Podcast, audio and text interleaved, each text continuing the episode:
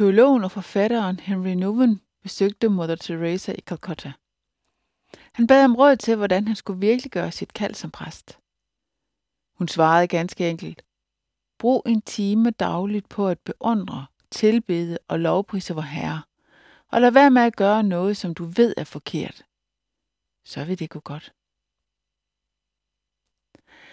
Ord, som er fyldt med beundring og lovprisning til Gud, kan vi for eksempel finde i salmernes bog. Jeg takker dig, fordi jeg er underfuldt skabt.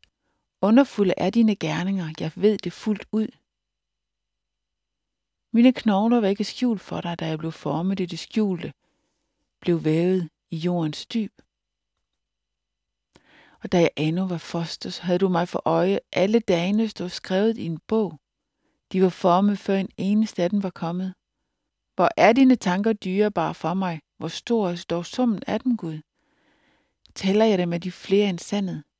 Bliver jeg færdig, er jeg stadig hos dig.